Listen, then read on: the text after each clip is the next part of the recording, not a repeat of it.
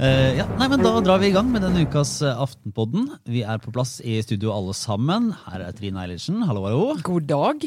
Det, Sara Sørheim. Hei sann. Hallo, hallo. Og jeg, Lars Glomnes. Eh, Det er jo noen uker som er vanskelige å tenke seg gjennom alle sakene som har vært i, og noen som er lettere. Denne uka så skiller det seg ut noen klare jeg skal ikke kalle det favoritter, men det er i hvert fall nok å ta tak i. De er inne i eh, viktighetskriteriet, i hvert fall. Ja, Må jeg kunne si. Det går, går til kjernen av Aftenpodden-interessene. Eh, vi skal eh, snakke litt om eh, trygdeskandalen. Vi skal snakke litt om lakseskatt. Ja! Og for de som ikke da har fyrt seg, fyrt seg veldig opp av, av det, så kan de glede seg til en, en litt, liten gjennomgang av FrPs mulige fremtidsduell og den nye boka til Ketil Solvik-Olsen, som var et sånn et veldig, veldig tydelig eh, påmelding i den eh, påtroppende lederkampen i Frp. Eh, litt overraskende og befriende er det Ja. åpent, egentlig. Så kjekt og greit. Ja, ja, jeg har lyst til det. Fint. Deilig. Så, men vi starter med en oppdatering på uh, trygdeskandalen. Den ruller jo og går og har dominert alt denne uka her også. Uh, kan vi bare kjapt, uh, Trine, kan vi si at vi har fått sånn store nye opplysninger eh, i løpet av den uka som har gått? Har det endra seg mye? Eh, nei, altså det er jo omfanget som endrer seg, for det blir jo større og større og verre og verre dette.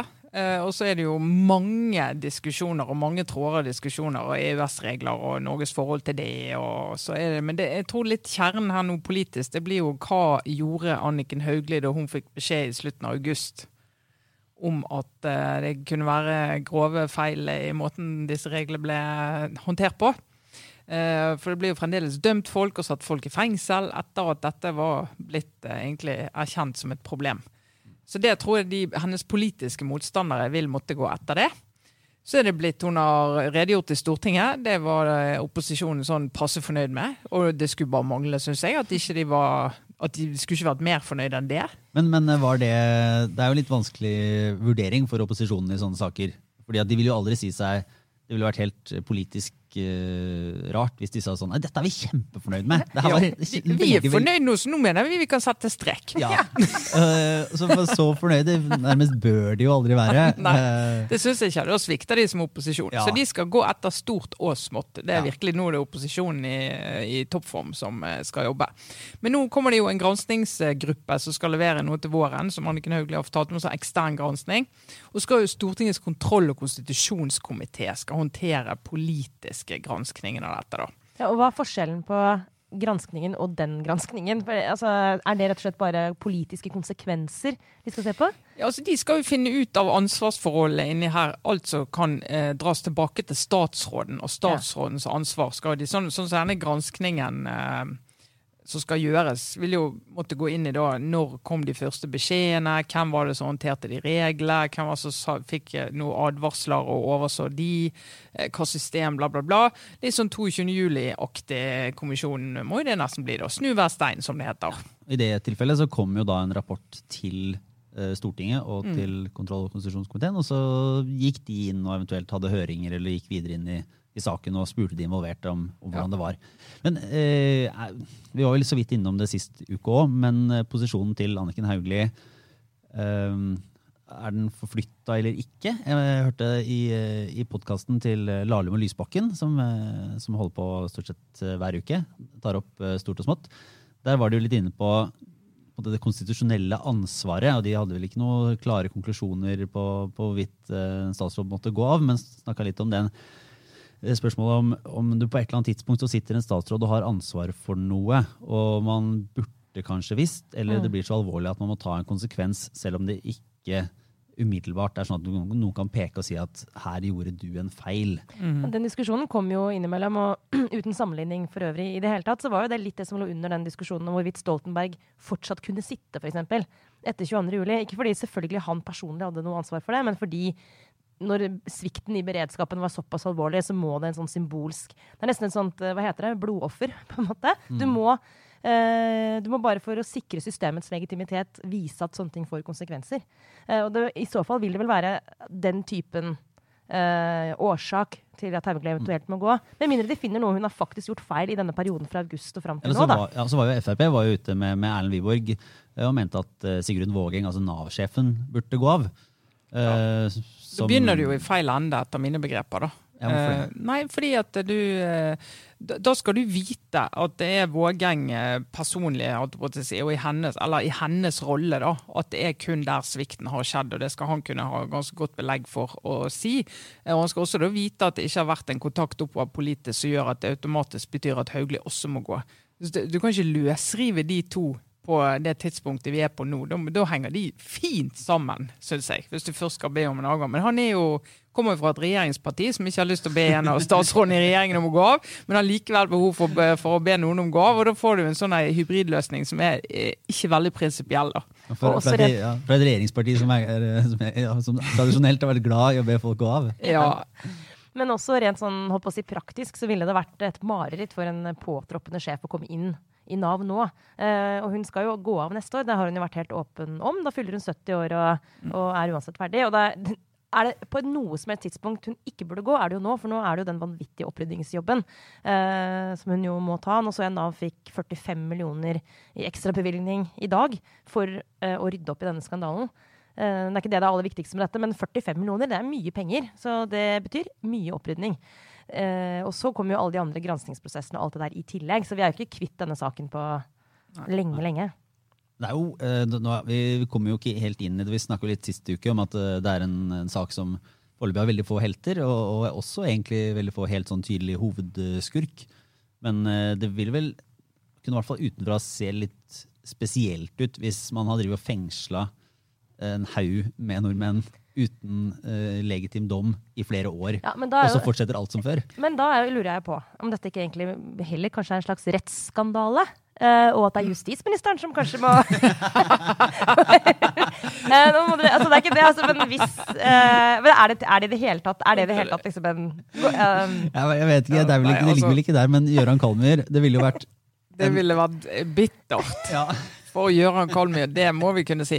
Nei, men altså, jeg, tenker jo Terskelen for å be folk å gå av eh, skal jo være høy, og da skal du på en måte vite at det er det som skjer.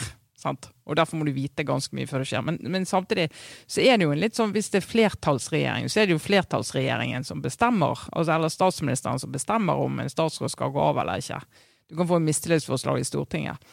Men selv om det er en flertallsregjering, så kan det jo være altså Du er i en situasjon der det er en del av oppreisningen da, overfor de som er rammet, at du viser at det politiske lederskapet tar et ansvar for det som har skjedd. Og Det handler jo ikke om det var Anniken Hauglie som gjorde sånn eller sånn, eller var der i 2012, for det var hun ikke. Det er ikke sånn det fungerer. Det fungerer sånn at det er du som sitter på jobb når dette blir kjent. Og da kan det være du som må ta den støyten. Eh, kanskje ikke før jul, kanskje utpå våren, men at du kan komme i en situasjon der det er naturlig at hun sier jeg må vise alvoret i dette. Og da kan det ikke være, er det ikke alltid sånn at eh, alle, alle på toppen skal fortsette, mens de eh, som ble rammet, eh, skal på en måte bare få en unnskyldning. da. Det har jo vært, vært litt sånn sånn selvransakelse, også i mediene. Vi har vært inne på, pekt på at, at vi er blant dem som burde ha oppdaget dette her.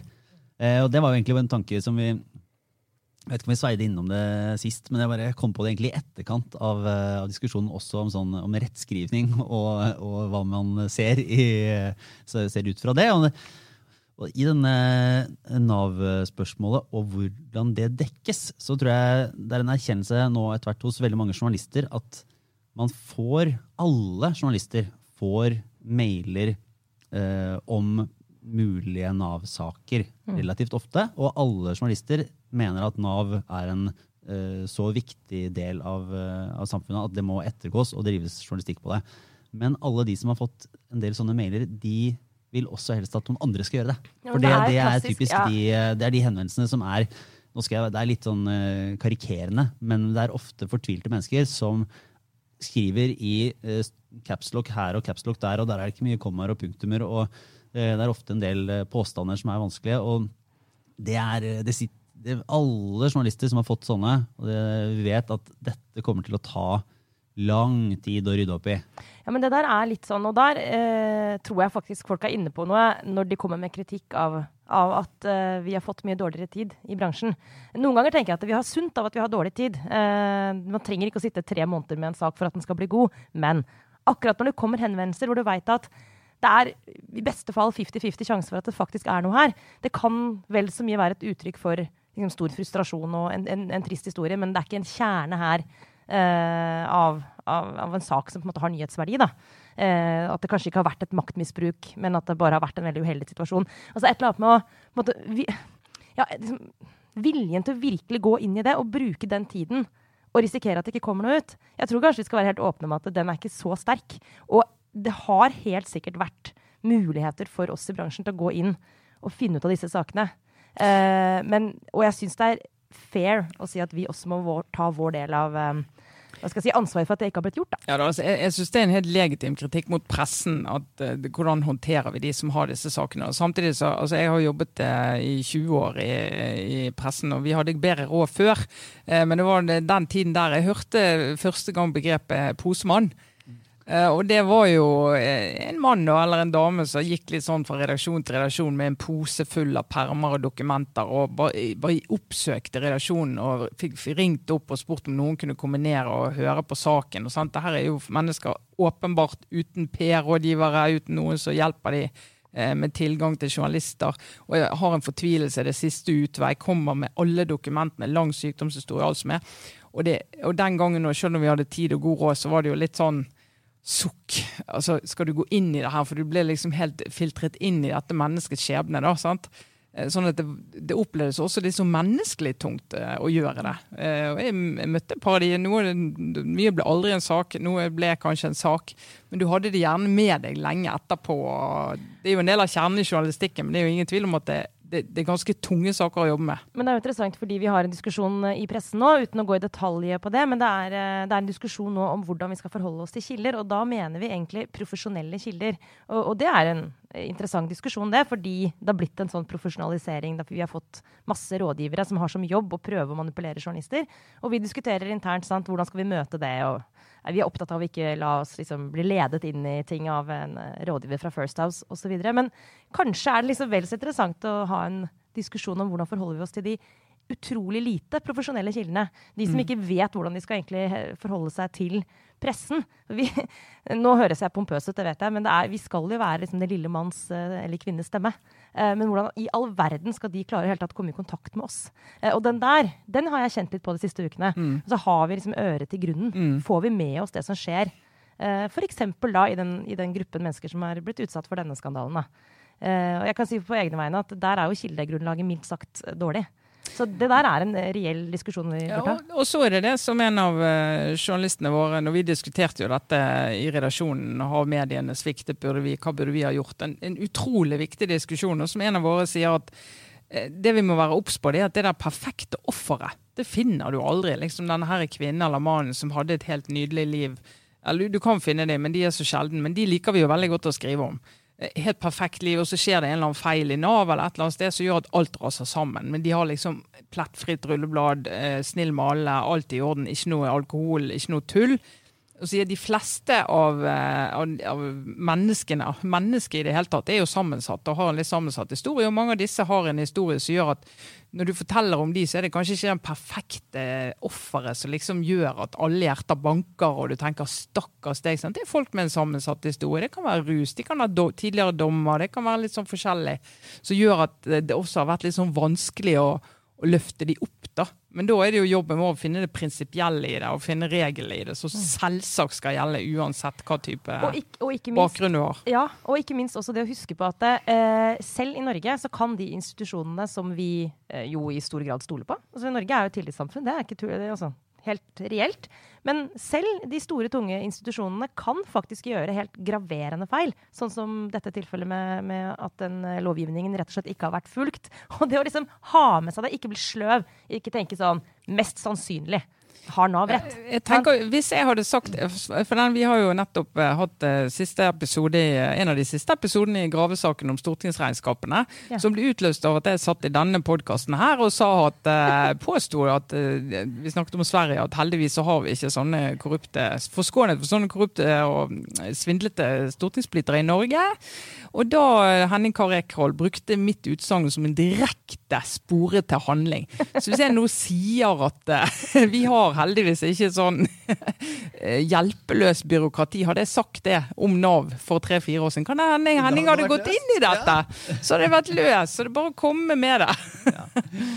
Eh, men eh, nå har vi jo Trygdeskandalen handler jo på, i det store om si, statens utgiftsside og, og ønsket om å begrense det da, i, i stor grad. En annen debatt denne uka her har vært på statens potensielle inntektsside. Debatten om hva skal vi kalle det, en, eh, det er vel en havbruksskatt. Ja, det er jo fagtermen. Ja, også kalt en lakseskatt. Lakseskatt. Men gjelder ørret òg. Ja? Kan man ikke bare slå sammen ørret og laks nå? Det, er, altså, det smaker litt likt. Ja, det ser, smaker likt, ser likt ut. Det er fisk. Ja, bare, det er et lite ønske fra meg. Eh, Ja, ja. Og eh, torsk og det andre. Lyr. ja. Lyr. Sei. Ja, det er nei. veldig, det er veldig bra. Det, det, Skrei. Norsk skal- og skrei. Unnskyld. En Ja. liten, en liten anbefaling midt inni alt det der. Eh, Det er en podkast som heter uh, No Such Thing As Fish. Som er en podkast som lages av de som eh, også lager den TV-programmet QI om sånne rare fakta. Fordi, og nå, Det er mulig det kommer en faktasjekk på dette i etterkant, men det er visstnok sånn at det er ingenting altså Fisk er så biologisk forskjellig fra hverandre. altså Det er så mange ting som er fisk, at det egentlig ikke er en klassifisering, en klassifisering som gir noe mening. ja. Men, eh, men skatt skal de ha. Ja. Kanskje de skal prøve seg på det. At uh, Vi kan ikke beskatte det her. Det er umulig å si hva det er. ja, men nå må vi faktisk orke å høre hva dette her egentlig handler om, Lars. ja, Ikke prøve oss på flere digresjoner. ja, ja, Ja, ja. La oss ha gå- la oss ha gått all in, og la oss grunnrenteansvarlig i gruppen her nå. Ja. Nei, for det, det dreier seg da om uh, skattlegging av oppdrettsnæringen og havbruk. Fordi man ser at uh, altså Påstanden da, for de som vil ha en, en sånn form for skattlegging, er at, at det er et, de, de benytter seg av et eh, naturens gode som egentlig tilhører fellesskapet, på samme måte som man har gjort med vannkraft og oljenæringa. Det er ingenting som har, ingen som har gjort noen sånn kjempeinnsats eh, for at eh, olja skal ligge nede i Nordsjøen. Eh, ingen som har gjort noe sånn eget veldig viktig for at eh, vannet skal renne ned fra fjellet. Og eh, at fjordene ligger der med veldig gunstige forhold for oppdrettsnæringen, eh, det er det ingen som kan ta helt eh, ansvar for. Og fram til si, de senere år så har man jo delt ut eh, lisenser og konsesjoner for å drive eh, oppdrettsnæring eh, mer eller mindre gratis. Det var vel gratis lenge, og så har det blitt runder nå de siste årene der det har kostet en del penger å komme seg inn. Men det har vært en ekstremt lønnsom bransje å holde på med. Og eh, etter hvert så har jo bare profitten vokst, og det har blitt mer og mer industrialisert. Og da ser man at kanskje samfunnet i større grad burde få eh, gevinsten av dette. For nå er det jo ikke sånn at hvem som helst kan løpe ned og sette opp et anlegg lenger. Er det omtrent der Jeg synes er? det var veldig fint oppsummert. Det, Lars. Her, eh, og det er jo, da er det jo eh, denne her grunnrenten for det er snakk om. I eh, olje- og gassnæringen i Norge så har du en grunnrentebeskatning som gjør at du har en sånn du betaler en ekstra skatt fordi du benytter deg av fellesskapets ressurser. I olje og gass er den på 50% Og så er det i kraft, vannkraft har du også en sånn skatt, og den er på sånn 40 hvor du sier det at eh, ja, du må legge rør og gjøre en del av de investeringene der, men du bruker jo også en del av et område som før var både uberørt natur, og som tilhører fellesskapet. Eh, og det er jo litt av logikken med, med fiskeoppdrett også, at du bruker eh, fjorder som du ellers kanskje kunne brukt til noe annet, eh, og som andre ikke har tilgang til. Og det er litt av poenget. Konsesjon er et knapt gode. Og du og jeg kan ikke gå og sette opp et fiske, fiskeoppdrettsanlegg nede på Hvaler i morgen hvis vi skulle få for oss det, Lars. Tjene milliard. Ja. Tjene milliard. Kanskje vi skulle gjort det, men ja. Det er jo en veldig sympatisk ordning, rett og slett. Og det er jo, kan ikke skjønne annet enn at det må være med på å også trygge den næringslegitimitet i, i, i folket. Altså det, det er jo en logisk tankegang når du benytter deg av et felles gode. ja, så er det ikke alle som er helt for det her. Det er jo åpenbart at næringen ikke er for det, at de skal få en ekstra skatt på det du kan kalle en ekstraordinære overskudd. Altså, denne næringen har nå i snitt en overskudd eh, på over, altså avkastning på investeringer på over 17% mens industrien vanligvis er rundt 6 Eh, Så sier de det er ekstraordinære overskudd, og da finnes det et grunnlag. Det, det er det de definerer som grunnrenten. Her må det være mulig å beskatte en del av det ekstraordinære overskuddet. Men da sier næringen at det fins ikke. Fins ikke grunnrente. Det er ikke ekstraordinære overskudd. Det er akkurat nå, men plutselig går det ned. Og så eh, er jo dette da aktualisert av dette altså utvalget som eh, har sittet og jobba med dette, ledet av eh, økonomiprofessor Karen Lene Ultveit Moe. Um, som har kommet med da en NOU. Men det ser jo ikke helt lyst ut, da. Og som en podkast som snakker varmt om utredninger og, og faglig grunnlag, så kan jo dette risikere å bli et eksempel på en rapport og et utvalgsarbeid som mer eller mindre legges i skuffen eh, før det egentlig er i prosess. Nå fortsetter det jo, det sendes ut på høring, men eh, Frp, Høyre og Venstre har jo i utgangspunktet landsmøtevedtak på at de er veldig det er litt sånn varierende grader av, eh, av, kritisk til eller nei til, eller av ulike sånne spesialskatter. Mm. Så politisk så ser det jo ikke så veldig lyst ut for den endringen. Ja. Men da, det dumme, men åpenbare spørsmålet er jo da hvorfor har de bestilt denne eh, rapporten i det hele tatt, hvis ikke regjeringspartiene vil ha denne typen lakseskatt? Altså, dette startet med en diskusjon i Stortinget der SV fikk med seg resten av Stortinget på at de skal innføre en sånn produksjonsavgift, altså en avgift per kilo laks som ble eksportert. Eh, Bl.a. for å få mer eh, inntekt til kommunene og for å ja, bidra til miljøvennlig utvikling av bransjen. og ja, Mye argumenter for det. Eh, som da regjeringen så den gang var i mindretall, fikk med seg Arbeiderpartiet på at ah, vi gjør ikke det, vi kan ikke bare si at vi gjør det, vi må utrede. Som jo er helt riktig. Det er jo det du må. Du må jo utrede. Så der, der skal de, det skal de ha kryss i boken for. Og så sier de vi lager et utvalg, og så sier vi ser ikke bare på en sånn avgift, vi ser stort på hele skattesystemet rundt oppdrett, som også er veldig lurt, spør du meg. Så gjør de det, setter ned en gjeng med kompetente Og så er det partssammensatt utvalg. Og det er jo alltid litt gøy med de partssammensatte utvalgene. Sant? Du har, du har fagfolkene og professorene og forskerne, og så kommer disse her eh, som kommer med interesser klistret over hele ryggen og hele magen. Så du vet uansett hva de kommer frem til, så vet vi hva, hva, de kommer til å mene, uansett hva utvalget mener. Så derfor har du et mindretall i dette utvalget. Det er LO, NHO eller sjømatbedriftene. da, og KS, altså kommunene, de i mindretallet som er uenig i konklusjonene i utvalget, og mener at de må heller ha det litt sånn som i dag. Hvorfor? Uh, der, jeg, jeg, jeg, har satt meg litt inn i det, men uh, altså fordi LO er også skeptisk ja. til uh, det. Og de, det, sånn, det, stereotype vil jo være sånn arbeidsfolk, venstreside, ønsker solide ja til, ja til skatt. Sånn mm. grunnleggende. Hvorfor er de negative til det her? Ja, Dette er jo en skatt som uh, blir ilagt virksomhetene etter at uh, alle har fått lønningene sine og vanlig skatt er betalt til uh, staten og, og, alt som er. så de mener jo at den, den, dette overskuddet her, det som er, må bedriftene få muligheten til å lønne f.eks. arbeiderne sine bedre. Bruke penger på det. og investere på nytt. Lage nye arbeidsplasser. Og de har en fin allianse med sjømatbedriftene der. Eh, og så eh, tror jeg de, de tror liksom ikke helt på denne tanken om at dette skal gå tilbake til kommunene. da. Eh, og det mener jo kommunene også skeptisk til. Ja, fordi Utvalget har sagt at, at pengene skal hentes inn sentralt, og så skal det deles ut basert på volum, altså hvor kommuner og, og som har stor produksjon, skal på en måte ja. få en større andel. Ja, så det skal være incitamenter for kommunene til å legge til rette for at næringen vokser. da. Og så er Det snakk om, det er vel totalt uh, skal det, mellom, det mellom 7 og 10 milliarder i inntekter det er beregna til? Ja, staten, eller utvalget mener at du kan i hvert fall tenke 7 milliarder ekstra i skatteinntekter i året. Og det er jo ikke noe dårlig sum å tenke seg. Eh, omtrent det som man beveger et statsbudsjett med i en statsbudsjettforhandling eh, hver høst, så det er masse penger. Eh, og eh, for å gå til det som alltid vil være fasit for, for et oppegående menneske i det moderne Norge. Eh, Aftenpostens lederartikler. Aften, ja. Men eh, på lederplass har Aftenposten eh, kritisert måte, men uh, kritisert regjeringens uh, litt sånn tidlige nei. Altså, hva, hva er det? Er, ja, ja. er, det for, ja, altså, er man for denne skatten, eller er man bare mot at den eventuelt slås ned så fort? Ja, altså, det, Vi eh, hadde en leder på mandag der vi kjeftet veldig på regjeringspartiene, som uh, var mot dette før overhodet utvalget som de selv har satt ned, hadde levert sin rapport. Det mener jeg er en veldig dårlig måte å jobbe på politisk. Det har vi snakket om før. Uh, men det, det, jeg tror du skal lese veldig vrangt hvis ikke du ser mellom linjene at vi er ganske positive til en sånn skatt, grunnrenteskatt. Og da tar vi utgangspunkt både i skatteutvalget fra 2014, som kikket på masse forskjellig skatt i Norge og så det ble skatteforlik til slutt.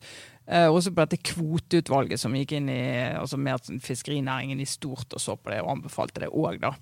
Og da sier vi OK, det går jo an å, å, å se litt stort på det her. At vi må øke skatteinntektene.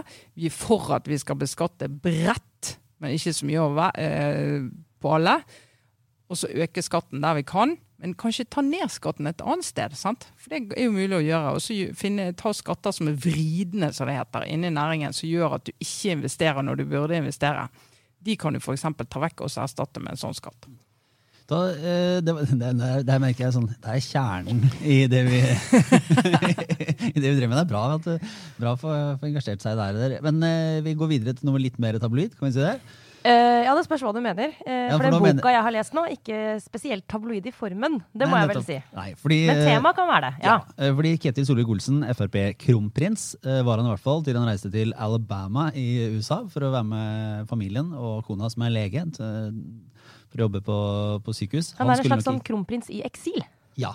Så han, han, han var jo ute av Stortinget, ga seg som, fra før, men ga seg som, som statsråd, som samferdselsminister. Og så eh, ga han seg som nestleder.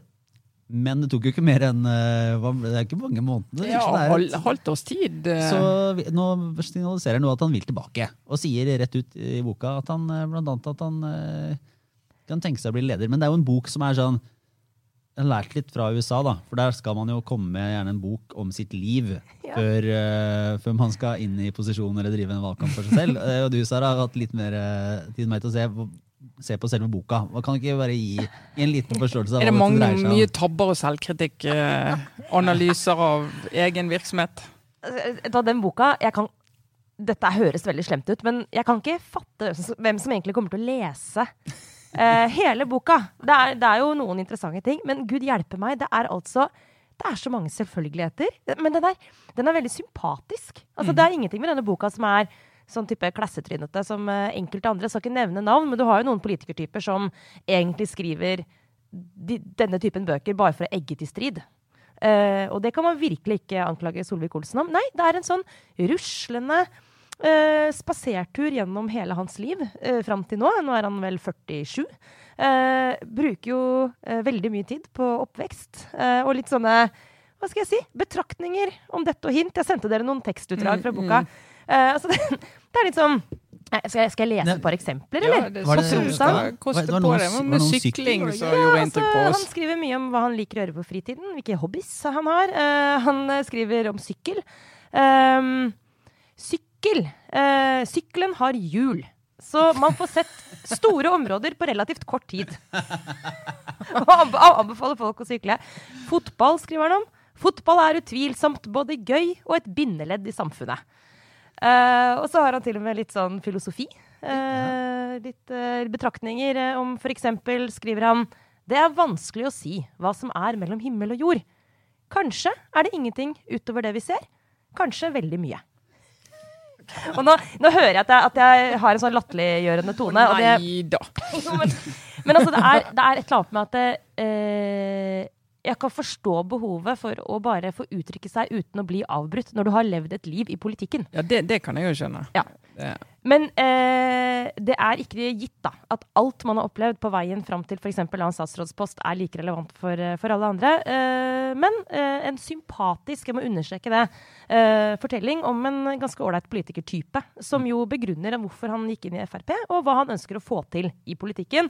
Og så heter jo boka da På vei. Artig litt ordspill der fra en eh, eks-samferdselsminister. Men Eh, han signaliserer jo da med den utgivelsen og skriver også ganske tydelig at han jo er på vei tilbake i politikken. Og det er vel egentlig hovedpoenget med å komme ut med denne boka nå. Og eh, Ketil Solvik-Olsen er jo kjent som en litt sånn flinkis Frp-er. Han er liksom avholdsmannen som er oppvokst på en bensinstasjon uh, nede på Jæren. Eh, som, eh, som jobber hardt og eh, kan sakene sine kjempegodt. Kjent for å være en sånn Han skriver leserinnlegg midt på natta, mer eller mindre. kommenterer alt. Er utrolig sånn detaljorientert. Litt sånn Erna Solberg. Mm. Ja, men Han skriver jo også veldig varmt om Erna Solberg. At, eh, altså, han virkelig, Og det, det virker helt utrolig troverdig. Han sier jo at han har veldig sansen for hennes lederstil. og... Ja, det kan og det jeg kan jeg- se for meg. mm. Men Jeg må bare si, Før vi går videre og snakker om hans rolle i Frp, så har jo boka noen overraskelser. da. Særlig denne. Eh, det viser seg at han samler på Figgjo-servise. Eh, og jugendmøbler. Så han er ikke bare liksom bilentusiasten og uh, Amerika-supporteren. Han er ja, Samla på Figgjo sjøl, jeg. Ja, jeg også. Figgjo, Figgjo Klupea. Så der kjente jeg et veldig slektskap. Åndelig Ja, fellesskap, Ja? Men uh, så er jo det store politiske spørsmålet her, da, for han tegner jo da en, et, et, bilde av sitt, uh, sitt Fremskrittspartiet. Eh, som er han også sier i intervjuer at det er et annet enn Sylvi Listhaugs eh, Frp. Ja. Ja. Så tenkte jeg bare, Vi kan jo nå, uten at vi skal måtte ta sånn eh, faktisk eh, part og, og nødvendigvis mene det, men det politiske argumentet for å støtte hans visjon for Fremskrittspartiet og bli et bredere parti, fange opp på en måte, Bli litt sånn tidligere Arbeiderpartiet, være klart at de skal ha statsministeren. Mm. måtte gå i en mer sånn en bred folkepartiretning. Hvis, Ja. hvis en skulle sett hans side i det, den argumentasjonen, hva er det som er argumentene for å, for å gå den veien? Jeg kan i hvert fall si at eh, Den politikeren som vi møter i denne boka, og som også er det han vel egentlig har vært veldig tydelig på hele veien, er jo en ganske sånn bredt altså det, er, det, det er ikke langt unna egentlig en, en sosialdemokrat som har skrevet den boka. Eh, kan godt hende han vil reagere veldig på å få den merkelappen. Eh, men men uh, ute etter eh, forlik, kompromisser. Uh, ute etter å finne fram til politikk som gir mening for folk flest. Veldig opptatt av å Påvirke, egentlig. Sånn, Gjennom å jobbe, sitte med ansvar, da. Det er et eh, kapittel i boka som heter 'En hyllest til infrastruktur'. Altså, vi, vi snakker jo om en samfunnsbygger, er vel egentlig poenget mitt. Som jo, eh, vil jeg tro, kan være en type fremtidig Frp-leder som, som vil kunne bygge et ganske sånn bredt eh, jeg, skal, jeg skal ikke kanskje si styringsparti, det er muligens å ta i, men, men er ute etter å, å, å ha et eh, relativt stabilt og eh, si, skikkelig parti, eh, hvor ting skal være på stell. ja, og hans Frp kan jo eh, KrF samarbeide med. Kanskje til og med Venstre. Eh, og for han ville jo, og det har han jo også sagt, at dette snikislamisering mener han er Med en gang du begynner å bruke det ordet, så er det så kontroversielt at det står i veien for det som er egentlig budskapet du vil ha. Så han er imot at du bruker den type ord. Det var jo han som også beklaget det første gangen det ble brukt. uh, Da de fikk kjeft for det. Sånn at Han er jo en sånn samarbeidsmann som uh, vil, kan fungere i en sånn koalisjon. Han er ikke den der reindyrke Frp-politikk, eh, blankpuss, eh, primærstandpunkt-typen i det hele tatt. da. Nei, og så tror jeg han er, Iallfall i alle fall tolker han som at han er liksom bekymra for den veldig harde retorikken som deler av, av eh, også norsk politikk har vært prega av. Han er veldig kritisk mot eh, Trump i boka, eh, basert på retorikken. Han sier at han er ikke så ille som man skulle tro når man ser mer enn bare noen få sekunders klipp. Og, han, han er jo litt mer mangefasettert i synet på Trump enn det de fleste typisk sånne folk som oss er. Men, han, men han, har, han Mm. er opptatt av at det skal være skikkelig. Han er opptatt av at den måten å snakke til hverandre på ikke er ålreit. Og der skiller han seg jo fra den andre kandidaten som kanskje Ja, han må konkurrere med. Hvis jeg Ja. skulle tatt argumentasjonen for Sylvi Listhaug, så jeg tenker at uh, Frp har nå sittet i regjering i mange år. Om det nå skulle gå ut uh, Jeg antar at Siv Jensen vil sitte som partileder helt til Frp går ut av regjering. Ja. Og Da blir det et spørsmål om de vil ha Solvik-Olsen eller eh, Sylvi Listhaug, eventuelt Jon Georg Dale. Men hvis en skulle da for å snakke Sylvi Listhaugs sak, da, eh, og tenke på den måten, så vil jeg tenke at da trenger de jo et tydelig opposisjonsparti som kan markere seg på en del av de aksene som eh, føler seg oversett i moderne politikken. Eh, spille på det samme som Senterpartiet gjør i dag. Få tilbake noen av, av de velgerne de har mista fordi at de ikke har kunnet være så tydelige på, på måte, opposisjonspolitikken. Eller den, den eh, som vi snakket om, altså identitetspolitikken. Per-Willy Amundsen, eh, krig mot juletrær-tankegangen.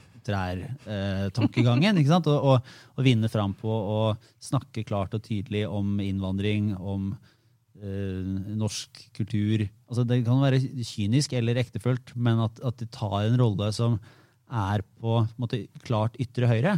Og jeg ser hvis, eh, hvis jeg skulle argumentert da fra Sylvi Listhaugs side, så ville jeg tenkt at ved å dra Frp inn til et sånn høyre, stort parti som ligger og, og kiver om det, så eh, vil man jo åpne rom for et nytt ytre høyreparti som ville komme, komme inn og ta den plassen. da. Ja, mener du Senterpartiet? Ja, Nei da, det var- det var en spøk, ja, men et, et, et eh, parti som, som på en måte kan, kan snakke den derre uh, folkets sak, da, som man liker å, å brande det som, men stille opp på, på utsida. Og det ville jo vært rart sånn partistrategisk, kan man si, hvis uh, Fremskrittspartiet ikke skulle se ut i Europa og se at alle strømninger taler egentlig til deres fordel. da. Helt sånn partikynisk på eh, innvandringsmotstand, skepsis mot eh, EU, EØS, sentralisering. Altså den delen av Frp som, som er tydelig sånn, har jo veldig gode kår hvis man skal tenke at, eh, at noe kan overføres fra Europa og USA til Norge. Så at de skulle gå inn for en Solvik-Olsen høyre liberalist Frp, Mm. den eh, Ja, jeg skjønner at eh, Sylvi Listhaug-fløyen mener at de har gode kort på hånda der, da. Ja, nei, den, og denne kampen er jo ikke eh, avgjort overhodet.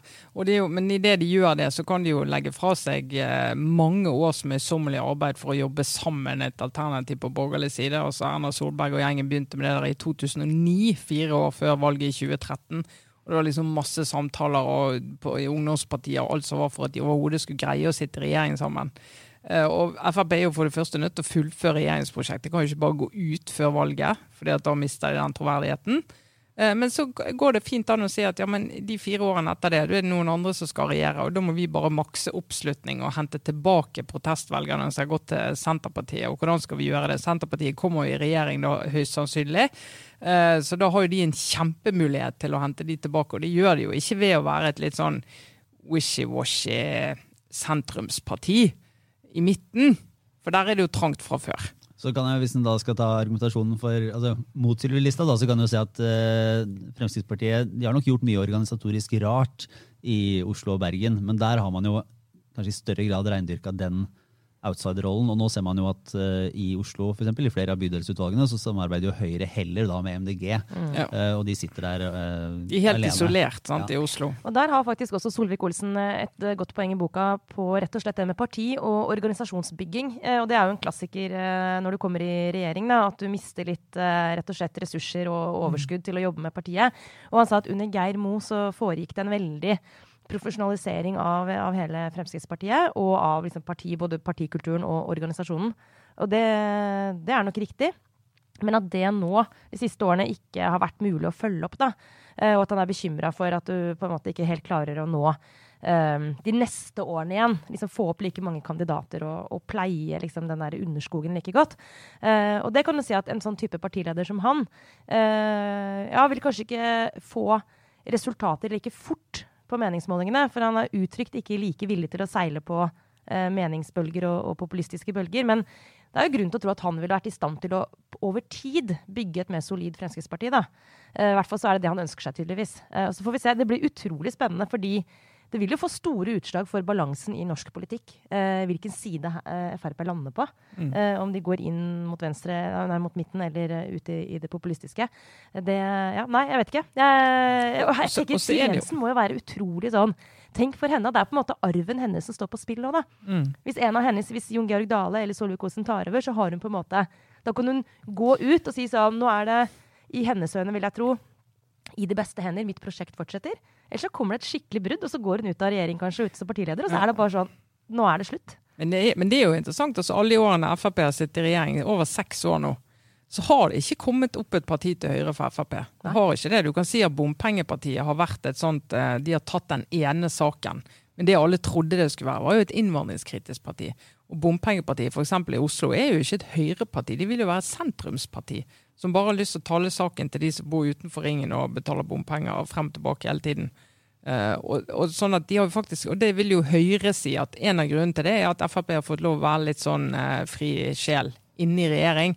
Sånn at de har fått lov å uh, dele all den primærretorikken sin, samtidig som de har måttet ta ansvar i regjering. Og det har gjort at vi ikke har fått opp det ytre høyre-partiet. Så det, det er sammensatte der, altså. Deilig begrep. Primærretorikk. Primærretorikk. Det, det, mener jeg er et uh, begrep som må inn. Ja. Henfaller, stadig, henfaller stadig til sekundærretorikken min. Da blir det vanskelig. Altså, sekundærretorikk, det er det, man har, det, det er det man gjør når man har tenkt seg om, ikke sant? Ja, ja. ja når du tenker at nå må jeg være pragmatisk. Ja.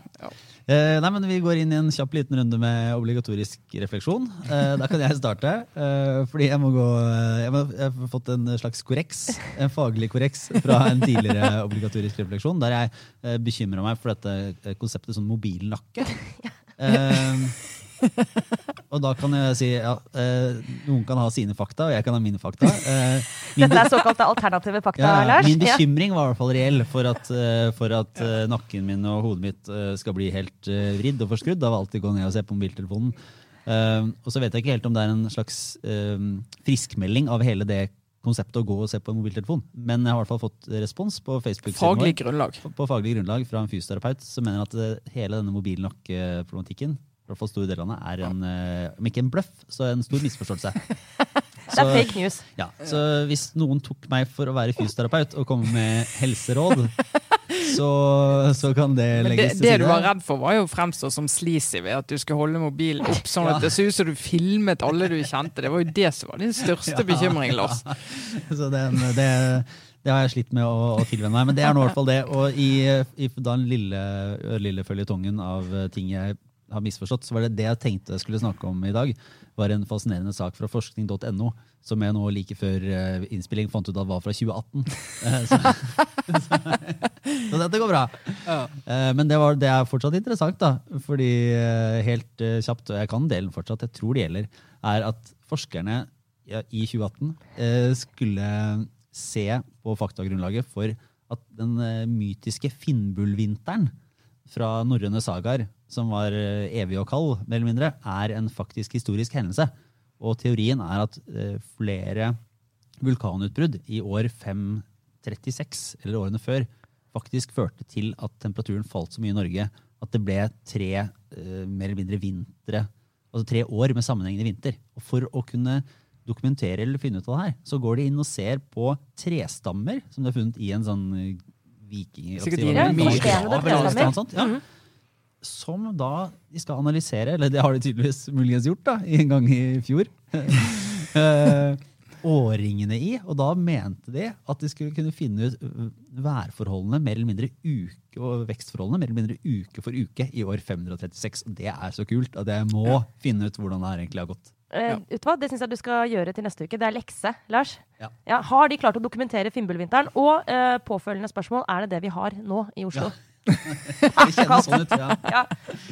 Men du, skal jeg følge opp med rett og slett ting, ting jeg har lært på internett, men som da ikke er fake news? Uh, ja et jeg, snev av sannhet inn i podkasten i dag, Ja. Sara. Vær snill. ja, men nå, det her er ikke bare snev. Dette her er sannheten på en steintavle levert til dere fra eh, Jeg klarer ikke å si det engang. Direktoratet for samfunnssikkerhet og beredskap. Ja. Fordi jeg må sjekke med dere to, og da må jeg bare si unnskyld til lytterne som eh, vet dette. eh, Men jeg var ikke helt klar over at det fins en liste i Norge over eh, ting alle borgere, altså dere to også, Mm. er forplikta til å ha i hjemmene deres. Forpliktet og forpliktet. Anbefalt. Ja, ok, anbefalt. ja, Men jeg føler at når, når de sier det, Ja. Direktoratet for samfunnssikkerhet og beredskap, så er det en slags forpliktelse. Ok, Du blir ikke dømt for ikke å ha det, da. Nei. Men det er i hvert fall en liste over ting som du, Nav du kommer etter deg og setter deg i fengsel. Ja, nei, det var visst valgfritt likevel. Ok, men for det første, Vet dere at det er en sånn liste over ting man skal ha i sitt hjem i tilfelle krise? Og, og, og hvis ja, da, vet dere hva som står på den lista? Ja, ja, jeg vet at listen fins. Jeg husker det var diskusjon om den. Jeg lurer på om det var i vår en gang. Og jeg vet at eh, masse vann, for det husker jeg så for meg, alt det vannet. Her skal folk gjøre av det i en leilighet, tenkte jeg. Og så tenkte jeg ikke mer på det. Nei. Jeg husker at det var en svensk sånn liste, for der var de litt mer ekstreme. Der var det litt sånn der, eh, Jeg husker det som at det var nærmest å ha en, eh, noen granater og noen svære kniver, og det var liksom mye mer sånn eh, mye mer eh, alvor. Men den norske de var klar for angrep, mens vi er klar for å bli isolert. Ja, altså Den norske lista, det er lite Det mest sånn aggressive her er lighter og rødsprit. Eh, men, men det er til å koke mat på. Nei, altså Dette her er rett og slett en liste, og jeg ble klar over det på et foreldremøte. For en av pappaene i klassen eh, var selvfølgelig helt opplest på dette og ganske overraska over at ingen andre hadde ni liter vann, f.eks., stående hjemme, som man skal ha. Eh, og to pakker knekkebrød per person. Og en pakke havregryn per person, f.eks. Uh, og da kjente jeg på en sånn eh, Og så er det en ganske lang eh, liste, da, men med veldig fornuftige ting. Uh, Batteridrevet DAB-radio, lommelykt, våtservietter. Det har jeg. Eh, og så 200 gram helnøtt. Eh, nei, men jodtabletter. Ja. Eh, ved atomangrep. Skal du ha jobbtabletter? Men poenget med å dra opp dette var for det første at det er litt gøy at den lista fins, hvis man er som meg, litt sånn eh, katastrofeorientert, da. Du skal ut og handle noe, sant? Jeg skal ut og handle en ni liters dunk eh, med, som jeg kan fylle med vann. Men eh, det andre er at eh, dette her eh, minner meg bare på eh, Som voksen, vi er, liksom, vi er en del av et samfunn som bare passer på oss. Og jeg kjenner faktisk på en sånn glede. Sånn, tusen takk for at dere har lagd denne lista til en håpløs, upraktisk, eh, liksom, lost person. Så nå eh, Nei, det var en, det er en ektefølt eh, takk til disse direktoratene som passer på oss. Og så håper jeg at jeg aldri får bruk for det, for jeg vet ikke hvordan jeg tenner opp et sånt apparat for å koke mat på rødsprit, men skal vel finne ut av det. Ja. Nei, det nærmer seg den kolde kalde, harde tida. Um, julekalendertid. Å nei. Åh. Og det er Jeg vet jeg vet at mange blir irritert når vi snakker om eh, julekalender og barn og alt det der. Ja, men men, det men mange blir glad også. Ja. Mange blir glad òg, for dette er et rop om hjelp. Uh, og jeg har jo nå prøvd uh, mye forskjellig. Jeg prøvde pakkekalender et år, gikk som passe. Jeg har jo fortalt om uh, sorgen i mitt barns ansikt da han pakket opp en stillongs en uke før jul og lurte på hva, hva, som var gøy med den, og det var jo selvfølgelig ingenting, for det var jo bare nyttig. Og så uh, i fjor, uh, i forfjor, så hadde jeg jo Det det var egentlig en katastrofe med den pakkekalenderen. Så spurte jeg guttene hva, hva vil dere, hva kalender skal vi kjøre i år? Skal vi, skal vi ha sånn som så vi hadde i fjor? Så husker du med stillongsen og trusene i? Eller skal vi ha legokalender med ferdigpakket? Og da begge to i kor legokalender. Så det gikk kjempefint syns jeg. Bortsett fra at du har sånne små Lego overalt. Men nå har de skjønt at det fins bedre kalendere der ute. Og nå har de begynt å liksom fange opp sånne forskningskalendere. Noe som heter sånn ja. eh, et eller annet bla, bla. Jeg vurderer den. Mm. Ja, og den er jo for det første ganske dyr. Men så er liksom for meg, hvis du har to gutter på seks og åtte som skal stå og lage eksperimenter på kjøkkenet hver dag i 24 ja. dager med vann og farger er det en god idé? Nei, altså jeg har slått det fra meg. Jeg har, jeg har gått inn og sett på dette. Uh, og jeg orker ikke en sånn blanding av klorin og salmiakk og vann. Skal, nei, vet du hva? Ikke nei, at det er det kalenderen. Men det jeg lurer på er, hvor ille er det å ha en sjokoladekalender? Nei. Er det helt politisk ukorrekt? Helt feil? Eh, det tror jeg vi tar. Det blir en sånn eh, en meningsmåling på Facebook-sida. Ja, så da spill inn forslag til alternativ. Eller vi kan ha meningsmåling. Sjokoladekalender, forskningskalender, legokalender, pakkekalender. Ja. ja men det, det, det, går vi for. Dette finner vi ut av. Ja. Kjempefint. Jeg tror vi runder av for i dag. Det var Trine Eilertsen, Sara Sørheim, jeg Lars Klomnes. Ha det bra. Hei sann, en liten ekstra ting. Vi er veldig opptatt av å utvikle podkastene våre, både når det gjelder innholdet og annonsene vi tjener penger på. Eh, derfor har vi oppretta et podkastpanel der vi vil ha med flest mulig. Da kan du gå for å være med til skipstedpanel.no slash podkast eller så kan du finne en lenke i beskrivelsen av denne ukens episode. Eller så kan du gå på Facebook-sidene våre og få lenken der. Vi håper flest mulig melder seg på og sier ifra om hva som er bra, hva som kan bli bedre, hva dere absolutt ikke vil ha. Takk, takk.